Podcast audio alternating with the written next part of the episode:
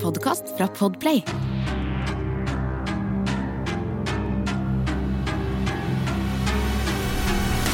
Hei og velkommen til Forsyningsfredag podkast. Eh, før vi hopper inn i dagens sak, så må jeg bare informere om at denne saken kan være veldig triggende og skummel for enkelte lyttere.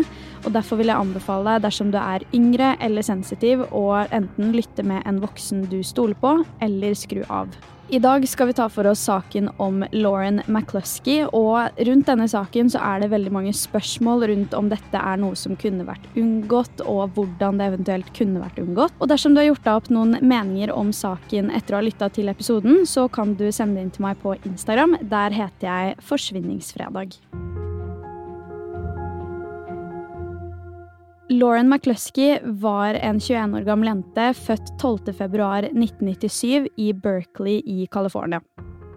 Hun hadde nydelig, langt, brunt hår, blå øyne og var veldig atletisk. Helt fra hun var veldig liten, så har hun drevet med friidrett, og allerede før hun var ti år gammel, så var det veldig åpenbart at hun hadde et stort talent på det området her. Lauren begynte nemlig å konkurrere på nasjonal basis allerede som niåring. I Berkeley vokste hun også opp sammen med foreldrene sine, nemlig Jill og Matt McCluskey, og også en yngre bror. Faktisk så bodde hun der frem til hun skulle begynne på college, og begynte da på universitetet i Utah. På universitetet blir også Lauren tatt ut til å være med på friidrettslaget på skolen, og gjorde veldig bra i det, og blir derfor ansett som en stjerneelev. Både som college-student og ung voksen så blir Lauren beskrevet som en person som alltid er der for vennene sine, og hun var også en veldig tilstedeværende person eh, for laget som hun var en del av og hadde en slags lederrolle for. Hun var veldig flink til å lytte, og de rundt henne opplevde henne som en veldig omtenksom person. Egentlig var hun ganske introvert, men så fort man ble kjent med henne, så kunne hun prate om alt mulig i en evighet. Lauren McCluskey var en høyt elska person av veldig mange. Samtidig som Lauren var godt likt av både venner og lærere og andre medelever, så hadde hun også en kjæreste som i begynnelsen virka veldig rosenrødt og fint.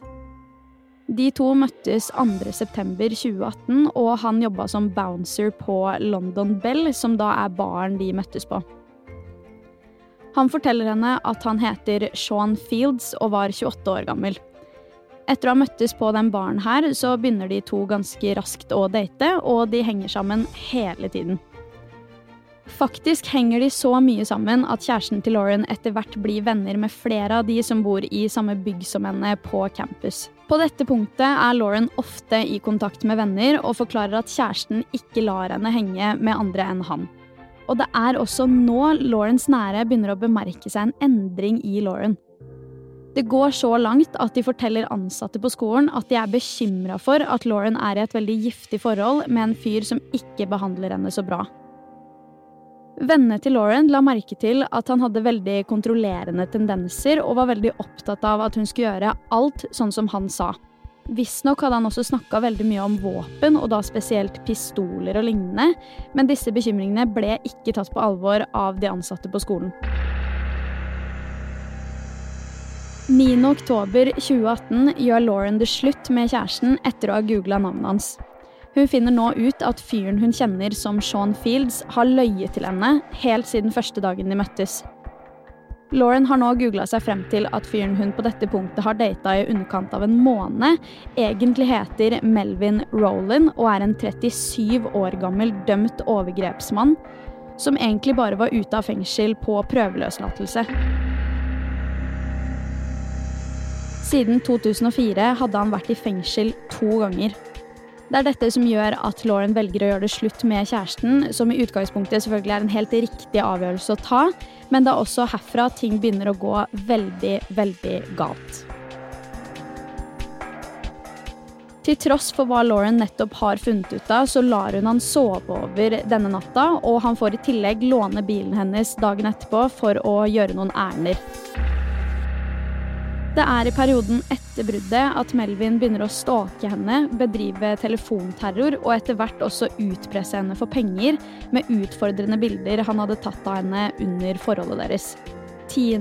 oktober ringer Lauren hjem til moren sin for å prate, og det her var noe hun gjorde ganske ofte, fordi de to hadde et veldig trygt og godt forhold. Men denne gangen måtte hun også fortelle moren sin at Melvin gjerne ville møte henne på parkeringsplassen til stadion i byen, som da lå et stykke unna universitetet hennes. Det her var da for å kunne levere tilbake bilen hennes, som han da hadde lånt dagen etter bruddet. Moren blir umiddelbart veldig bekymra da det her tas opp over telefon, og ender faktisk opp med å ringe til politiavdelingen på universitetet til Lauren for å informere om det her. Jeg har faktisk funnet telefonsamtalen som moren til Lauren hadde med politiet, og denne skal du få høre her. Hi, um, I, I would like to request a um, some help from my daughter, who's a student at University of Utah. What is the situation exactly? What does your daughter need help with? Okay, she was dating someone and who's not a student. He um, he has her car. She broke up with him, and he's supposed to return it to the um, to the parking lot at the stadium. And I'm worried that he's dangerous. Okay, um, we can definitely have someone help her out. Can you have your daughter give us a call? Can Can you guys call her? Um, yeah, what's her phone number? Okay, it, Etter denne samtalen så ringer sentralen opp til Lauren for å prate med henne, og da forteller Lauren at Melvin faktisk har bestemt seg for å levere bilen litt nærmere universitetet enn hva de først ble enige om. Da spør betjenten på sentralen om Lauren er komfortabel med det. Betjenten forteller videre at Lauren mer enn gjerne kan komme til kontoret deres og være der, og så kan Melvin levere tilbake bilen på parkeringsplassen der. Etter mye frem og tilbake ringer Lauren opp til sentralen igjen. Det er nå blitt bestemt at overleveringen av bilen skulle skje på parkeringsplassen til stadion likevel, og Lauren spør nå om det er mulig at hun kanskje kan bli kjørt bort til denne stadion av en politipatrulje. Det får hun innvilget, og dette møtet går heldigvis fint.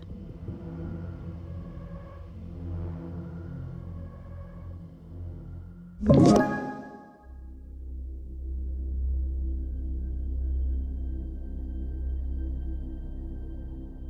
dager senere, altså 12. oktober 2018, ringer Lauren selv til politiet og forteller at Melvin har spurt om hun ønsket å være med i begravelsen hans. Lauren forklarer dette til sentralen og sier at hun mistenker at han prøver å lure henne til et sted uten at hun egentlig vet hvorfor. Allerede dagen etter ringer hun til politiet enda en gang og forteller at hun nå blir utpressa for penger, og at han truer med å spre det utfordrende bildet han hadde tatt av henne om hun ikke gir ham 1000 dollar. Etter dette ender hun opp med å fysisk dra til politistasjonen som tilhører campus hun bor på, men drar derfra egentlig nesten mer bekymra enn da hun kom, fordi hun følte at hun ikke fikk noen svar på når de skulle pågripe Melvin, og hun ønska jo selvfølgelig å få dette unnagjort så fort som mulig. Dette gjør at hun tar kontakt med politiet i Salt Lake City, men blir sendt tilbake igjen til hennes lokale politistasjon, for det var jo der hun tilhørte. Frem til 22. oktober har Lauren McCluskey vært i kontakt med politiet rundt 20 ganger på telefon, men ingenting har skjedd fra politiets eller universitetets side. Pågripelsen av Melvin Roland skjer heller aldri, og kanskje kunne pågripelsen ha ført til at det neste som skulle skje, kanskje kunne vært unngått. 22.10.2018, i en alder av 21, skal Lauren McCluskey ta sine siste åndedrag, og det på telefon med moren sin.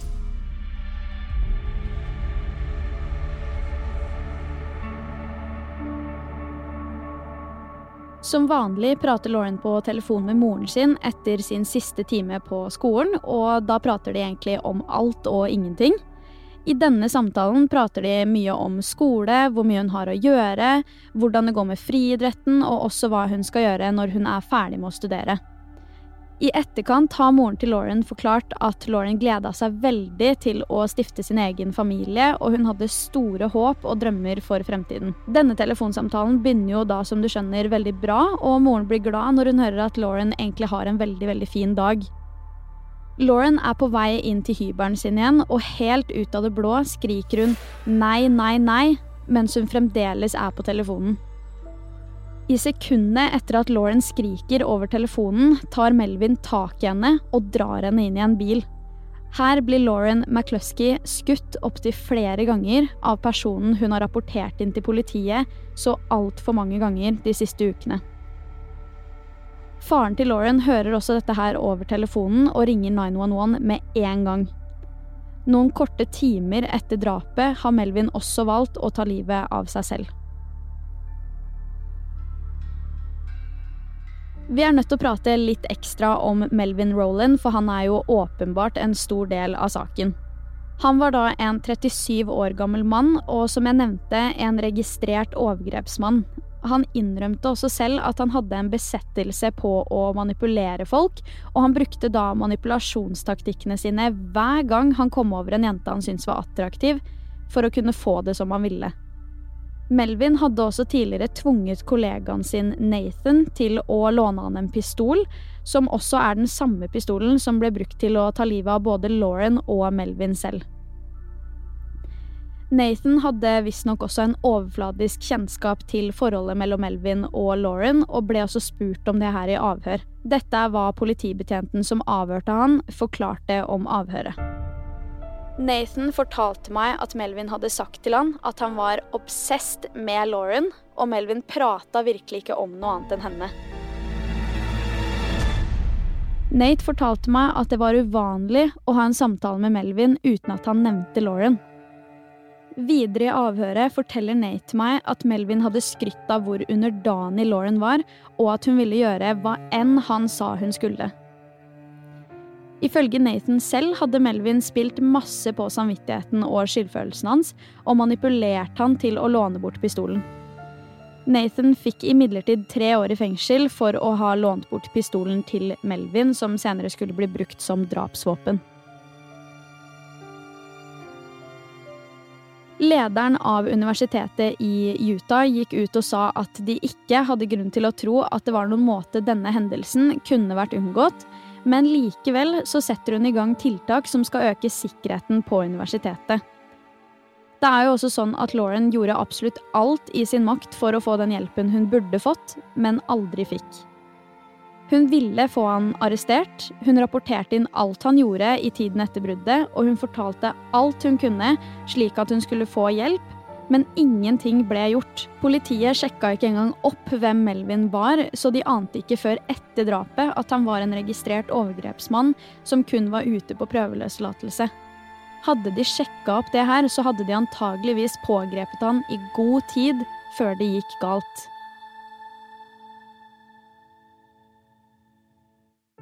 Foreldrene til Lauren endte faktisk opp med å saksøke universitetet i Utah for det de mente var en inkompetent håndtering av hele hendelsen, både i ukene før drapet, men også etter drapet.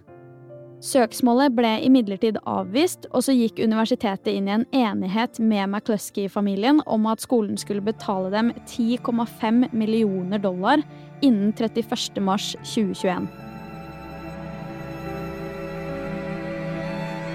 Så etter å ha hørt om Lauren McCluskey, hvilke tanker er det du har rundt saken, og hva tenker du at politiet eller universitetet kunne gjort for å potensielt endre utfallet? Uansett hva du tenker, så er jeg veldig interessert i å høre det, så send meg en DM på Instagram. Der heter jeg Forsvinningsfredag. Du har hørt Forsvinningsfredag podkast med meg, Sara Høydahl. Og dersom du har lyst til å høre om flere true crime-saker, så kan du også sjekke meg ut på YouTube. Der heter jeg akkurat det samme som navnet mitt sjæl. Uansett så kommer det en helt ny Forsvinningsfredag podkast-episode allerede neste uke, og i mellomtiden, ta vare på deg selv.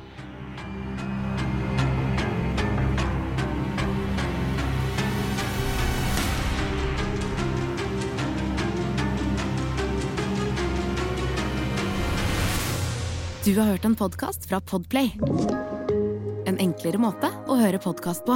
Last ned appen Podplay, eller se podplay.no.